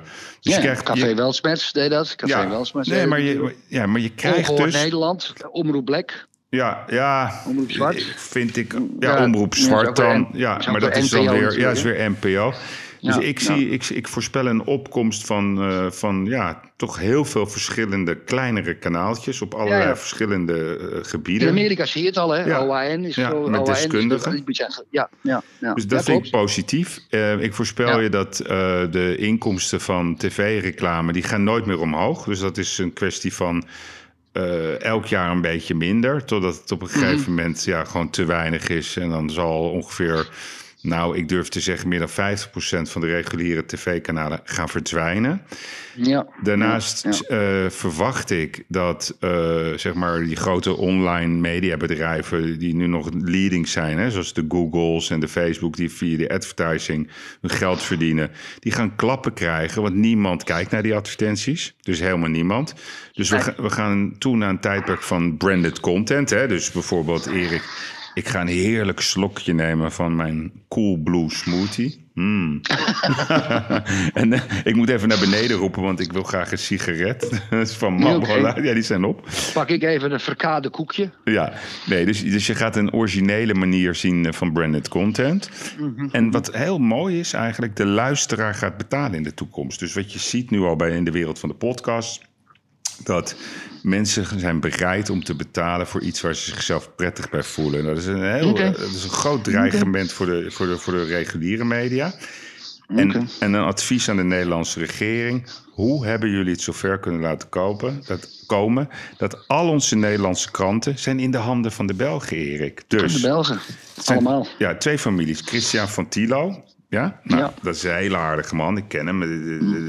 Ik ken hem ook. Charmant. eh, Ja. ja, slim. Heel slim. Maar ja, eigenaar van het Parool. Eigenaar van de Volkskrant. Eigenaar van het Algemeen Dagblad. Eigenaar van de Trouw. En dan gaan we naar die andere familie. Dat is Thomas Leijsen, Mediahuis. Eigenaar van het NRC Handelsblad. Eigenaar van de Telegraaf. Dat willen wij toch niet? Dat de, dat de hele Belgische elite is gewoon eigenaar van het Nederlandse medialandschap. Come on. Dus, dus Nou ja, als het een teruglopende zaak is, gaan ze, gaan ze op de neus vallen, klaar. nee, het is helemaal geen... lie- Nee. lief- liever een paar liever Belgen dan wij, toch? Nou ja, kijk, als je bijvoorbeeld kijkt naar dat mediahuis. Hè, die hadden in 2020 eh, een groepsomzet van een miljard. Eh, Maar gewoon een positieve cashflow van 150 miljoen. Bedrijfswinst van 100 miljoen euro. Dat is gewoon het mediahuis. Ja. En wat je ook zag in 2020, een onwaarschijnlijke opkomst van de digitale abonnementen. Dus ik, ik zie heel veel toekomst voor ja, kleinere spelers. Die zullen dan wel weer overgenomen worden. Maar ik zie toch een, een soort nieuw medialandschap ontstaan. Wat goed is voor het publieke debat omdat het nu te veel wordt gedomineerd door, laten we dat maar noemen, je weet dat ik tegen dat woord ben, door het linkse establishment. En je, wij hebben zelf ervaren wat er gebeurt. Als wij een keer iets zeggen, dan worden we meteen een hoek in gerost dat we ergens bij horen. Nou, wij horen helemaal nergens bij. Maar die, dat gaat vanzelf. Dus, En wat wij moeten doen, ja, en wij moeten doen, daar moeten we eens over na gaan denken. Als die hologrammen uitkomen, dan gaan wij een talkshow maken met z'n tweeën. Hmm. Ja? Waarbij mensen op een knop kunnen drukken. Dan staan we allebei bij hun in onze huiskamer. staan we te praten. oh leuk. Gaat ook gebeuren. Ja. ik, denk Ja. dat, ik denk zelfs dat we kunnen simuleren dat we in een auto zitten te rijden met z'n tweeën ergens op een landweg in Leuk. Portugal. Leuk. Dan hebben we een gesprek. En tenslotte, om dit onderwerp af te sluiten, Erik. Ja, want het duurt ehm, lang. Het duurt lang. Ja, het duurt lang. Ja, maar ja, het is een belangrijk onderwerp. Onderschat, Zeker, niet, eh, zeker. onderschat niet de toekomst van bedrijven zoals Netflix en Amazon en ook Spotify. Die hebben toch op een hele slimme manier ehm, zeg maar de markt weten te veroveren door betaalde abonnees. En ik zie dat daar ook een verschuiving plaatsvindt richting die kant van, van content wat mensen gaat boeien. Dus We ja, moeten van die Amerikanen af. We moeten van die Amerikanen. Het is allemaal Amerikaans, man. En die Belgen die doen een paar, paar krantjes. ja Met klopt. een 100 miljoen winst. Het zal allemaal wel. Maar die Amerikanen, man, die domineren alles. Alles, alles, alles. Ik heb daar toch een probleem mee. Nou, dan gaan we een keer een apart eh, onderwerp Airbnb. Uber, Ja, dingen. Ik word er gek van, man. Ja, eens. Erik, de vragen, nergens belasting. Hè? de vragen van de straat. De taalstraat. Oké. Wat wordt de toon van 2021? Dit zijn de allemaal vragen trouwens, Erik, die we van, de, van, van onze luisteraars hebben gekregen. Die heb Ja, ik dan leuk, proberen naar, naar simpele Jip en Janneke vragen te vertalen. Ja, ja. Wat wordt de toon van 2021? De toon. Achterdocht. Jezus, ben je negatief, man. Ja, het is, het is, ik ben niet negatief, Yves. Ik ben realistisch. Ik wil grappen maken met je wil. Ik, ik wil Ja. ook meer lachen. Maak eens een Maar grap. ik ga niet. Heb je een goede grap? Eh, eh, eh, Even aan die kat vragen, die zit ligt me aan te kijken. Ik, heb, ik hou van die kat, ik weet niet wat het is. Kijk, ja, Yves, er is, in, sorry, in twee, wat in 2020 allemaal gebeurd is, met, met al die dingen die we al allemaal zo besproken hebben, die mensen, de mensen ver- vertrouwen het niet. Dus die zijn achterdochtig voor al het nieuws wat er komt. Is het waar, is het niet waar? Het is, social media heeft natuurlijk. Je, je, kan een verhaal lezen dat je, dat je nooit meer kinderen krijgt als je het vaccin neemt. Weet je, er zijn allemaal dingen die. Allemaal complotten en dingen. Dus dat, dat, dat, dat, dat 2021 gaat alleen maar erger daarin worden. Oké, nou, ik deel dat... eh, Ik heb. nee, ik, ja, ik nee, heb ik, nee, ja, sorry. Ja, sorry. Oké, nee, mag. Maar we zijn... negatief. Ja, negatief, Ik man. wil dat niet. Kijk, ik, ik, ik ben een beetje eh, toch van astrologie en dat soort dingen. Het maakt me niet uit wat mensen ervan vinden. Maar Oh. Erik, Nou gaan we. 2020. Nou je, nou je toch. Nou, je Nou toch. je toch. 2020, Chinese astrologie, was het jaar van de rat. 2008, 2008 was ook het jaar van de rat, de grote crisis. En 2021, Erik, is het jaar van de os. De jaar van de moedigen, de jaar van de ondernemers.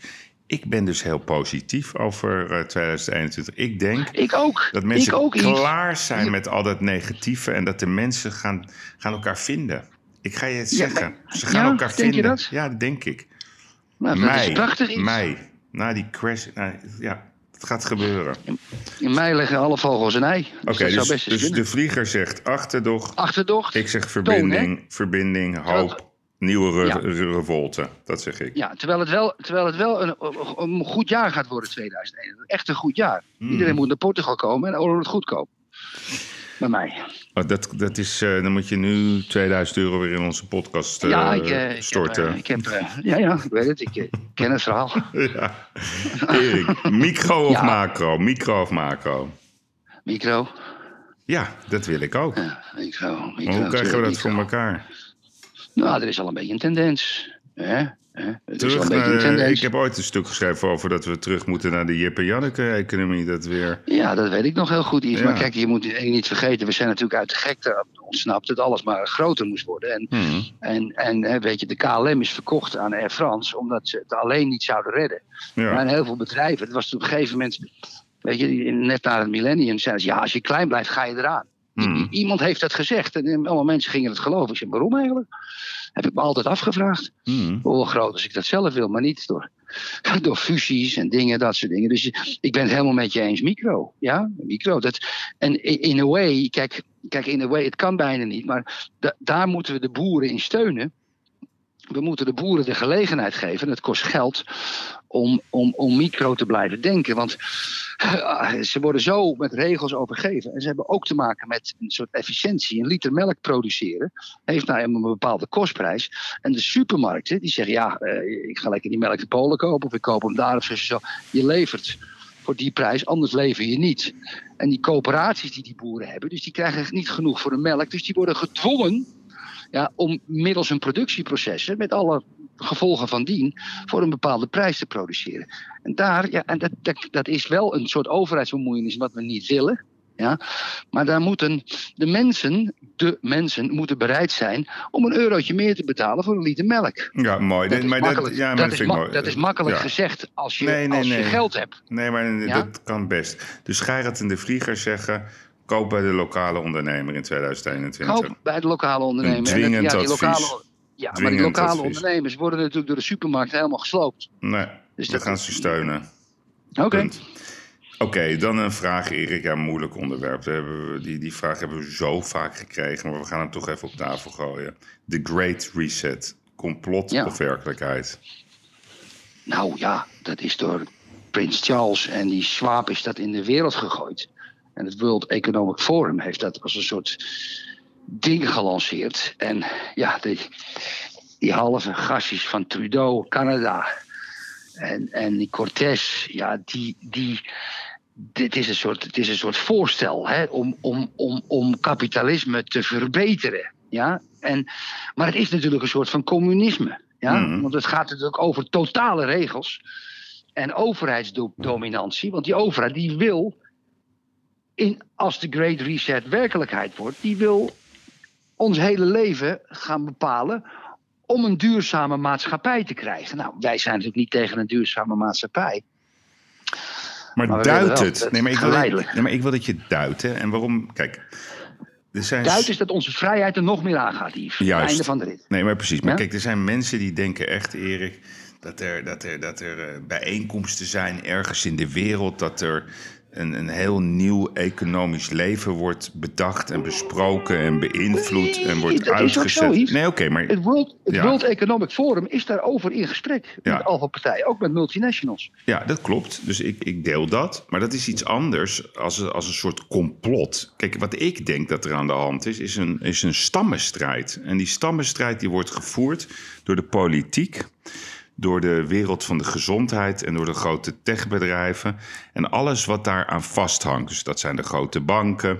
En die willen Mhm. gewoon hun macht hebben. Dat is wat ik denk wat er gewoon gaande is. En, Uiteindelijk wel, ja. ja, Ja. dus, dus, Dat is, dus wel een complot, dat is wel een complottheorie, hè? Een van de complottheorieën die je nu hebt. ja, maar ik, kijk, een complottheorie vind ik iets heel negatiefs. Een complottheorie is iets kwaadaardigs. Dus de vraag is of dit kwaadaardig is. Hè? Dat is een complottheorie.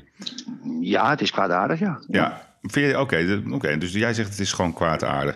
Ik denk Ja. dat het gewoon vals is. Dat is wat ik denk. Dat vind ik een prettig Ja, woord. Ik vind het smerig eigenlijk. ja, Nee, maar oh, smerig, weet je nog? Iets smerigs. Oh ja. Oh, ja. God. Uit, uit de oude doos, zou je. Uit- Dat is alweer ja, uit- tijden Ja, dat is alweer geleden. Nee, maar de, de- heel veel mensen die, die verdiepen zich daarin. Er zijn onvoorstelbaar veel filmpjes op het internet... wat dan snapshots laat zien uit bijeenkomsten.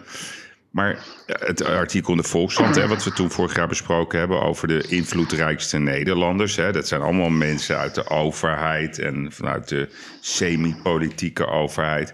Dat is volgens mij iets wat wij allemaal niet willen. Dat establishment wat onze looplijnen van het leven bepaalt. En dat is volgens mij wat, er, wat, er, wat er op Europees en op wereldniveau ook gaande is. Ja, het is maar dat vind ik iets anders dan een complot. Ik vind het gewoon opdringen Nee, van macht. Dat, zo voel ik het. Onder het mom van sustainability, weet je. Ja, Dat is, nee, elke keer zoeken ze een nieuw, eh, nieuw, eh, nieuw, nieuw, zeg maar, een nieuw kadertje ervoor. Nee, ja, maar goed, eerst hebben we de EU die al ons leven gaat domineren. Nou moet de wereld ons leven gaan domineren. De mensen zeggen hoe hoe we op een bepaalde manier moeten leven. En, daar, en, dat, en het- ik ben daar nooit tegen, het is vrijheidsinperking. Ik wil gewoon niet dat andere mensen vertellen hoe ik moet leven, Yves. Punt. We hebben een wet. Ja, Maar- We hebben een wet, we houden ons aan de wet. Maar Maak het niet complot, moeilijker. En- complot, En de, maatschappij verandert, pardon, de maatschappij verandert. Dus wetten moeten aangepast worden.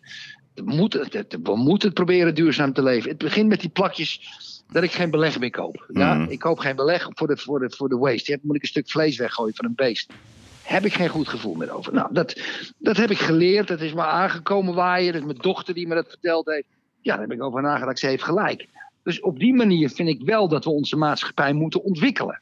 Hmm. Ja, we moeten wel ontwikkelen, maar er moet een reden in zitten. En ik wil niet het World Economic Forum en met al die andere hoogwaardigheidsbekleders en de multinationals trouwens ook, plus de big techs en de banken, ons in ons Nederland of in Portugal gaan vertellen hoe we moeten leven. Dat is mijn bezwaar. Ja, maar goed, dan krijg jij een miljard van de EU. Op een gegeven moment zegt iemand van de EU... hey Erik, moet je eens luisteren, we hebben jou een beetje in de gaten gehouden daar in Portugal. Wij vinden jou een fantastische boots on the ground. We willen Portugal steunen. Hier heb je een miljard, je mag mooie projecten ontwikkelen. En wat doe je dan? Dan maak ik mooie projecten. Ja, maar dat bedoel ik, Erik. Nee, dan maak ik, dan maak ik, dan maak ik, dan Nee, maak ik een dat vind- CO2-vrij gebouw. Dan maak ik, dan maak ik een gebouw waar, waar, wat, wat milieutechnisch al aan de, alle eisen moest voldoen. Als ze mij die verantwoordelijkheid geven voor een miljard, met een opdracht erbij om iets moois te maken, wat voor, voor goed is voor ons allemaal, dan maak ik dat ja. Ja, dan maak je dat. maak Maar dat. waarom moet dat vanuit de EU komen? Nou, omdat. omdat eh, Maar snap je omdat wat, de- wat de corruptie Nee, van nee, deze je gedachte is? Ja, het is toch Nee, een je corrupte gedachte. Nee, nee, dat ga ik je uitleggen. Het kan niet anders dan van, de, van een instelling komen met geld. Omdat de markt niet pikt dat een, een, een, een een appartementje vijf ton kost. Ja? Maar het moet toch gewoon Dat- van de dat- Portugese overheid komen die naar je toe komt en zegt: Erik, we zien dat wat moet jij geleidelijk gaan. Dat moet geleidelijk Ja. met wetten gaan en dingen gaan. Kijk, Maar- in Nederland is gasaansluiting verboden. In Portugal is gasaansluiting.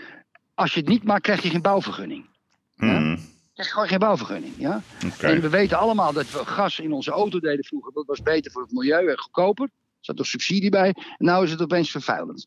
Dus je moet geleidelijk met het bewustzijn. Je ziet bedrijven die dat ook oppakken. Dus je hebt een, ook een, een milieuafdeling, grote bedrijven. En dat sustainability komt er geleidelijk in. Dat moet je geleidelijk doen. Maar dat moet niet opgelegd worden. Ja, iedereen roept het is één seconde voor twaalf. Want de hele aarde vergaat. Nou, de aarde vergaat niet. Nee. Ja? Nee, een maar, warm. wat- ja, nee, maar goed, eigenlijk Erik, en dat is, dat, dat, dan gaan we dit onderwerp afsluiten. Kijk, wat ik gewoon hoop, dat, dat iedereen een beetje gaat inzien dat eh, het complot waar zoveel over gesproken wordt, dat dat gewoon eigenlijk gaat om macht, om blokken die gewoon... Zit er eh, in, ja. ja. ja, nee, maar dat is Ja. het. Weet je, het is, het is niet zo dat ze gaan zitten, we gaan nu dit doen of we gaan nu dat doen. En uiteindelijk willen de mensen gewoon lokaal, eh, familie, gezelligheid, sport, cultuur, muziek, dat soort dingen, een bijdrage leveren, op welk gebied dan ook. En we moeten af van al die idiote machtsblokken die ons eh, leven gaan bepalen. Rot op. Hartstikke idee. Volgende Hartstikke punt. idee. Ja, Erik. eh, we zijn bijna bij, eh, bij de Manolef Award van 2020. Eh, maar voordat we dat gaan doen, iedereen wil het weten. Wanneer kunnen we weer los? Dus je mag een voorspelling doen. Wanneer gaan we terug naar het oude normaal? Want we gaan namelijk terug naar het oude normaal. 1 augustus. Oké, dat is een mooie voorspelling. Ik denk wel dat ik... eh, ik denk, ik ga Jij? gewoon... Ja, ik, ik, ik, ik zat ook zo'n beetje zo derde week juli. Dan gaan we weer los. Dan gaan de grote Nee, ik wil feesten een datum hebben. Nou, kijk, ik ga niet 1 augustus zeggen. Eh, moet ik toch eventjes kijken in mijn, in mijn telefoontje. Dat het geen weekend is of zo. Ik krijg trouwens door dat de sigaretten op zijn. Verdomme. ja, lekker dan. Hier, Erik, we gaan terug. Ik zal het je precies vertellen. 30 Schiet eens op, juli. liefde. 30 juli. Vrijdag, dat is een vrijdag. Dat wordt het. Oké, eh, dat Twee dagen voor mij, oké. Genoteerd. ja, en in Nederland gaan we terug eh, derde week april. Dat wordt het eerste moment dat heel veel weer mag. Met nog wat beperkingen. En, ja, en dan in de zomer en, en in de winter gaan we toch zien. Wat, want corona gaat natuurlijk niet weg. Hè. De mensen denken corona gaat weg. Het blijft gewoon tien jaar onder ons. Dus we zullen af en toe oplevingen krijgen. En ik hoop ook dat we ophouden met al die belachelijke discussies over een mutatievirus. Weet je, Erik, elk virus muteert. Ze, zijn verslaafd aan negatief nieuws. Dus we moeten gewoon Yves, monitoren. door. Punt. We gaan door. We gaan Oké. door. Maandenlef verwoord, Erik.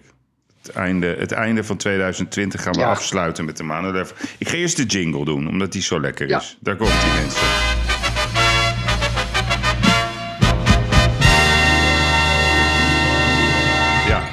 We hebben, we hebben Ja. heel lang met elkaar eh, gediscussieerd Ja. van de enorme Ja. lijst van Manolef-winnaars. En we hebben er twee overgehouden. Appie Osterhuis en Sander Schimmelpenning. Ja, Sander Schimmelpenning of Appie Oosterhuis. we gaan ook even uitleggen waarom. Kijk, Appie, Doe, Appie Osterhuis. Ja, Appie Osterhuis. eh, wij hadden ontdekt dat Appie Osterhuis een eh, vermogende man was. Omdat we hadden ontdekt dat hij een aandelentransactie had gedaan tussen 2017 en 2018. En waarom vonden we dat interessant? Omdat Appie altijd maar op tv zat, bij op 1, 26 keer. En wij dachten, heeft de man ook nog een, eh, ja, een bijsluiter dat hij daar belang bij heeft? Nou, na heel veel duwen... de- Zeven- 27 keer nu. ja, en na heel veel duwen en trekken kwamen we tot de conclusie... het is waar. Hij heeft het toegegeven, maar dat heeft natuurlijk nul invloed... of de beste man wordt uitgenodigd. Hij wordt zelfs vaker uitgenodigd. Want ja, die op één mensen die denken natuurlijk... ja, we laten ons echt niet door Geirat en de vlieger muilkorven. Dat maakt, da- daar gaat het ons ook niet om. Waar het ons om gaat is wees transparant... En uiteindelijk, Erik, heeft de beste man het toegegeven. En wij zeggen, lieve luisteraar, blijf vooral autonoom denken... en trek je eigen conclusies als die man wat Ja. zegt. En Sander hebben we een Sandertje. Nou, Sandertje die... ehm, ja, die, die, die, daar kwamen we bij toeval achter. Het was niet eens een groot verhaal. We, zeiden gewoon, goh, die man was zo als een komeet omhoog geschoten. We waren gefascineerd door het feit dat hij succes had met zijn podcast. In ieder geval, dat zei hij in ieder geval. Hoe het precies zit, dat weten we niet eens. Dus wij waren een beetje ons daarin verdiepen. En al pratende hadden we het erover. Nadat hij jou een streekje had geleverd. Dat hij weg moest bij Dragon's Den. En toen zei ik nog die historische woorden. Hij heeft iets smerigs gedaan.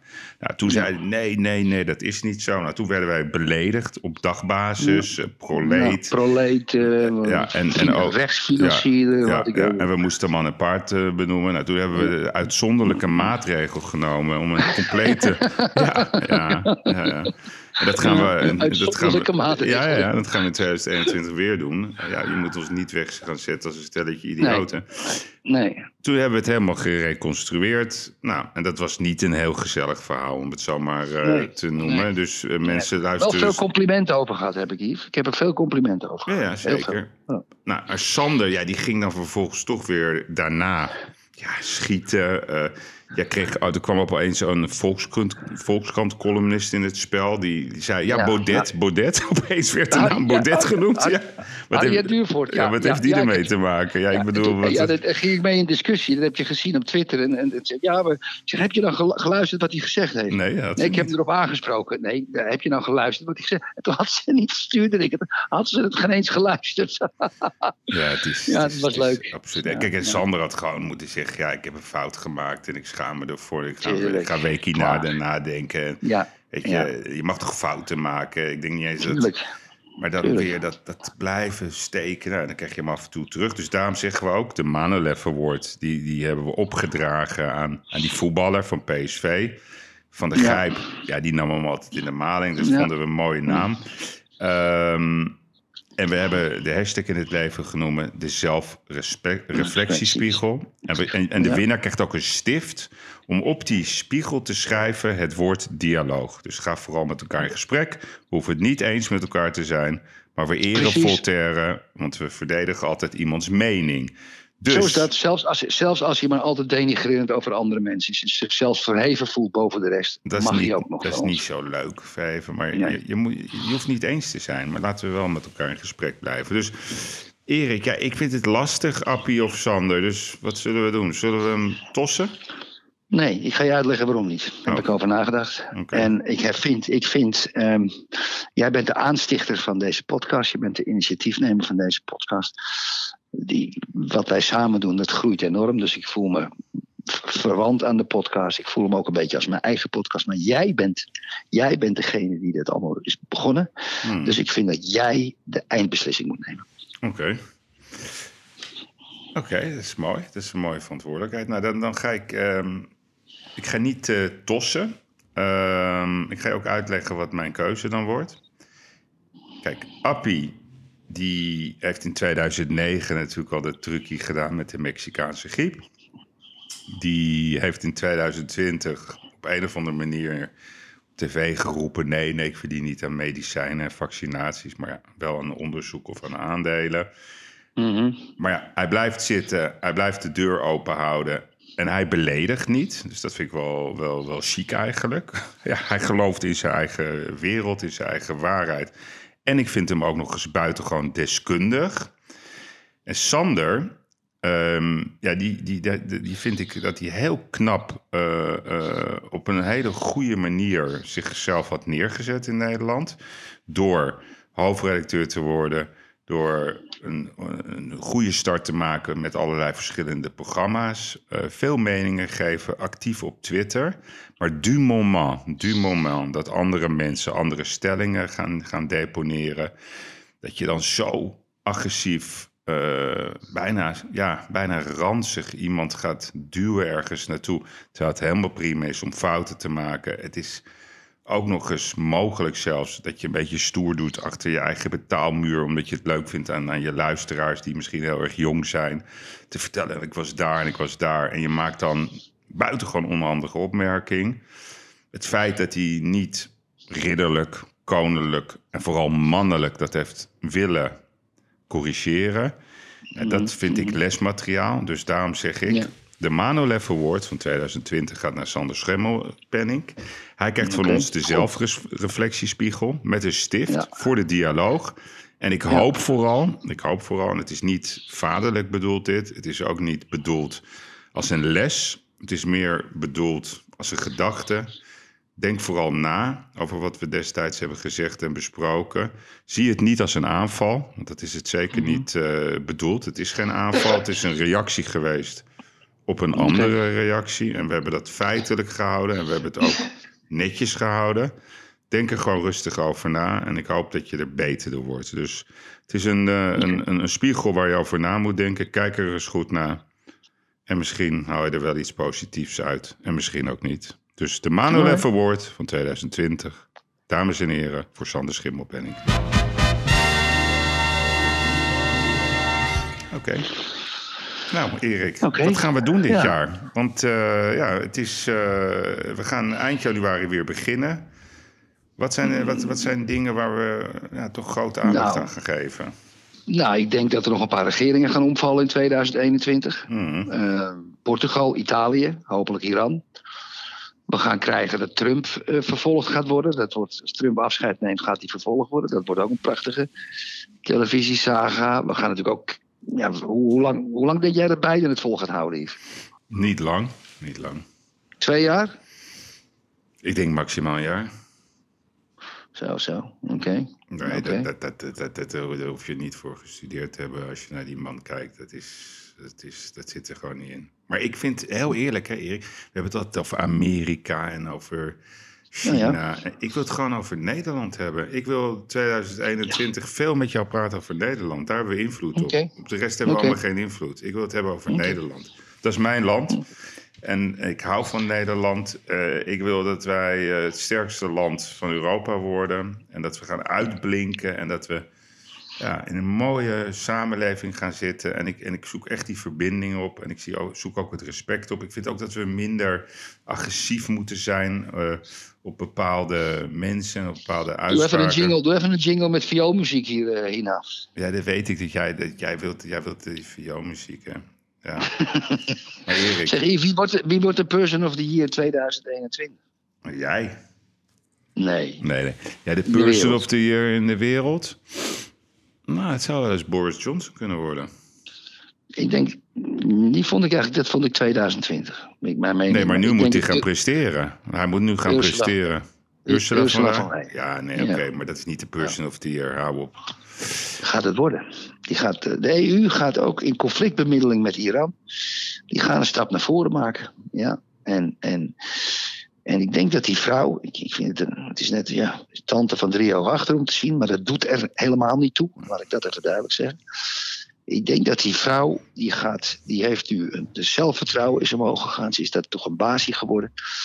Van die Jonker heeft ze dat overgenomen, die dronkenlap. Dus een stabiel wijf, was volgens mij minister van Defensie in, in, in, in Duitsland.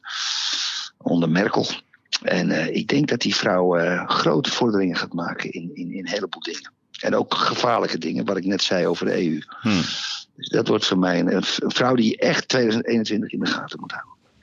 Ja, nou, ik denk dat de person of the year iemand gaat worden die toch ehm, een soort oplossing gaat bedenken voor al die oorlogen die er allemaal zijn in de wereld. En wie dat wordt, ik denk dat die, dat die, ik denk dat die persoon uit het Midden-Oosten gaat komen, maar ik weet niet wie het is. Maar dat denk ik wel. Er gaat vrede komen.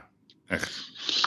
Alright, ik ga het, eh, ik ga, ik, ik pak ik- jouw ik positiviteit ik- en die trek ik vandaag als een jas aan. Ja, doe dat. Ik zit die viool te zoeken, maar ik heb wel een gitaar gevonden van, van Thomas Acta. Kan, mag dat ook? die, neem, die neem ik wel mee. Want ik kom naar jou toe, hè? Heel snel. Ja. Ik hoop het, ik hoop het, ik hoop het. Oké, Yves, ik denk dat we er wel uit zijn. We hebben drie mooie afleveringen gemaakt. En Ja. de kijker, de luisteraar eigenlijk, eh, een beetje in ons hoofd laten kijken over voorspellingen, meningen en de hele flikkersap. Ik ja. dat het Ach, jongen. Het zijn maar meningen. Het Zijn zijn, maar meningen. Zo is dus het. dat, dat is dat.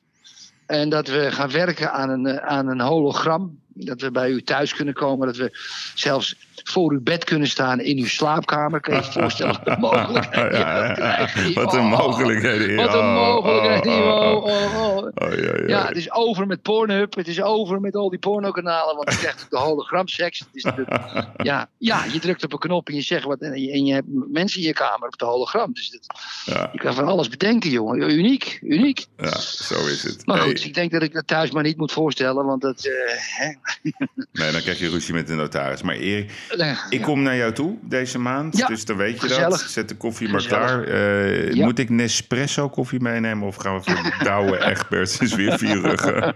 Het alleen maar een woordje te noemen. Ja, wat een rotbank, hè, die Rabobank, hè? Jezus, oh, oh ja, Ach, ik jongen, krijg een belletje binnenkort. Ja, Ja. nee, maar. Erik, we gaan er een, eh, we gaan een mooi jaar van maken. En eh, ik eh, wil ook graag de luisteraars bedanken. Het is ongelooflijk wat een betrockenheid. En eh, Ja. hou ons scherp ook. Eh. Wij maken ook fouten, dus eh, we zijn Zeker, zeer bereid zeker. om ook zelf in die zelfreflectiespiegel te kijken. Wat een moeilijk woord is dat. Dus eh blijf ons ook vooral kritisch benaderen, vinden we helemaal niet erg. Complimentje af en toe vinden we ook leuk. Ja. Maar eh, we blijven scherp en we gaan eh, belangrijke thema's aankaarten. En ik zeg, ik hoop ook namens de vlieger, blijf autonoom denken. Erik, Zo is dat. molto bon dia. Yves, lieve vriend. Tot We spreken elkaar snel. Bye, bye. Ai. Dank voor het luisteren. 2020, het was een bewogen jaar. Het was een dystopisch jaar, een jaar vol akeligheden. En ik hoop samen met u dat 2021 ons iets positiefs gaat brengen. Wij gaan door. 29 januari, dan zijn we weer terug. We gaan even nadenken over wat we allemaal willen gaan doen in 2021. Dus dank voor het luisteren in 2020. En blijf ons vooral supporten in 2021. Wij gaan ons best doen. En ik hoop u te verrassen samen met Erik. Met veel wetenswaardigheden, met doorbraken, met analyses en soms ook een onthulling. Ik wens u in ieder geval nogmaals een prachtig 2021 en tot snel.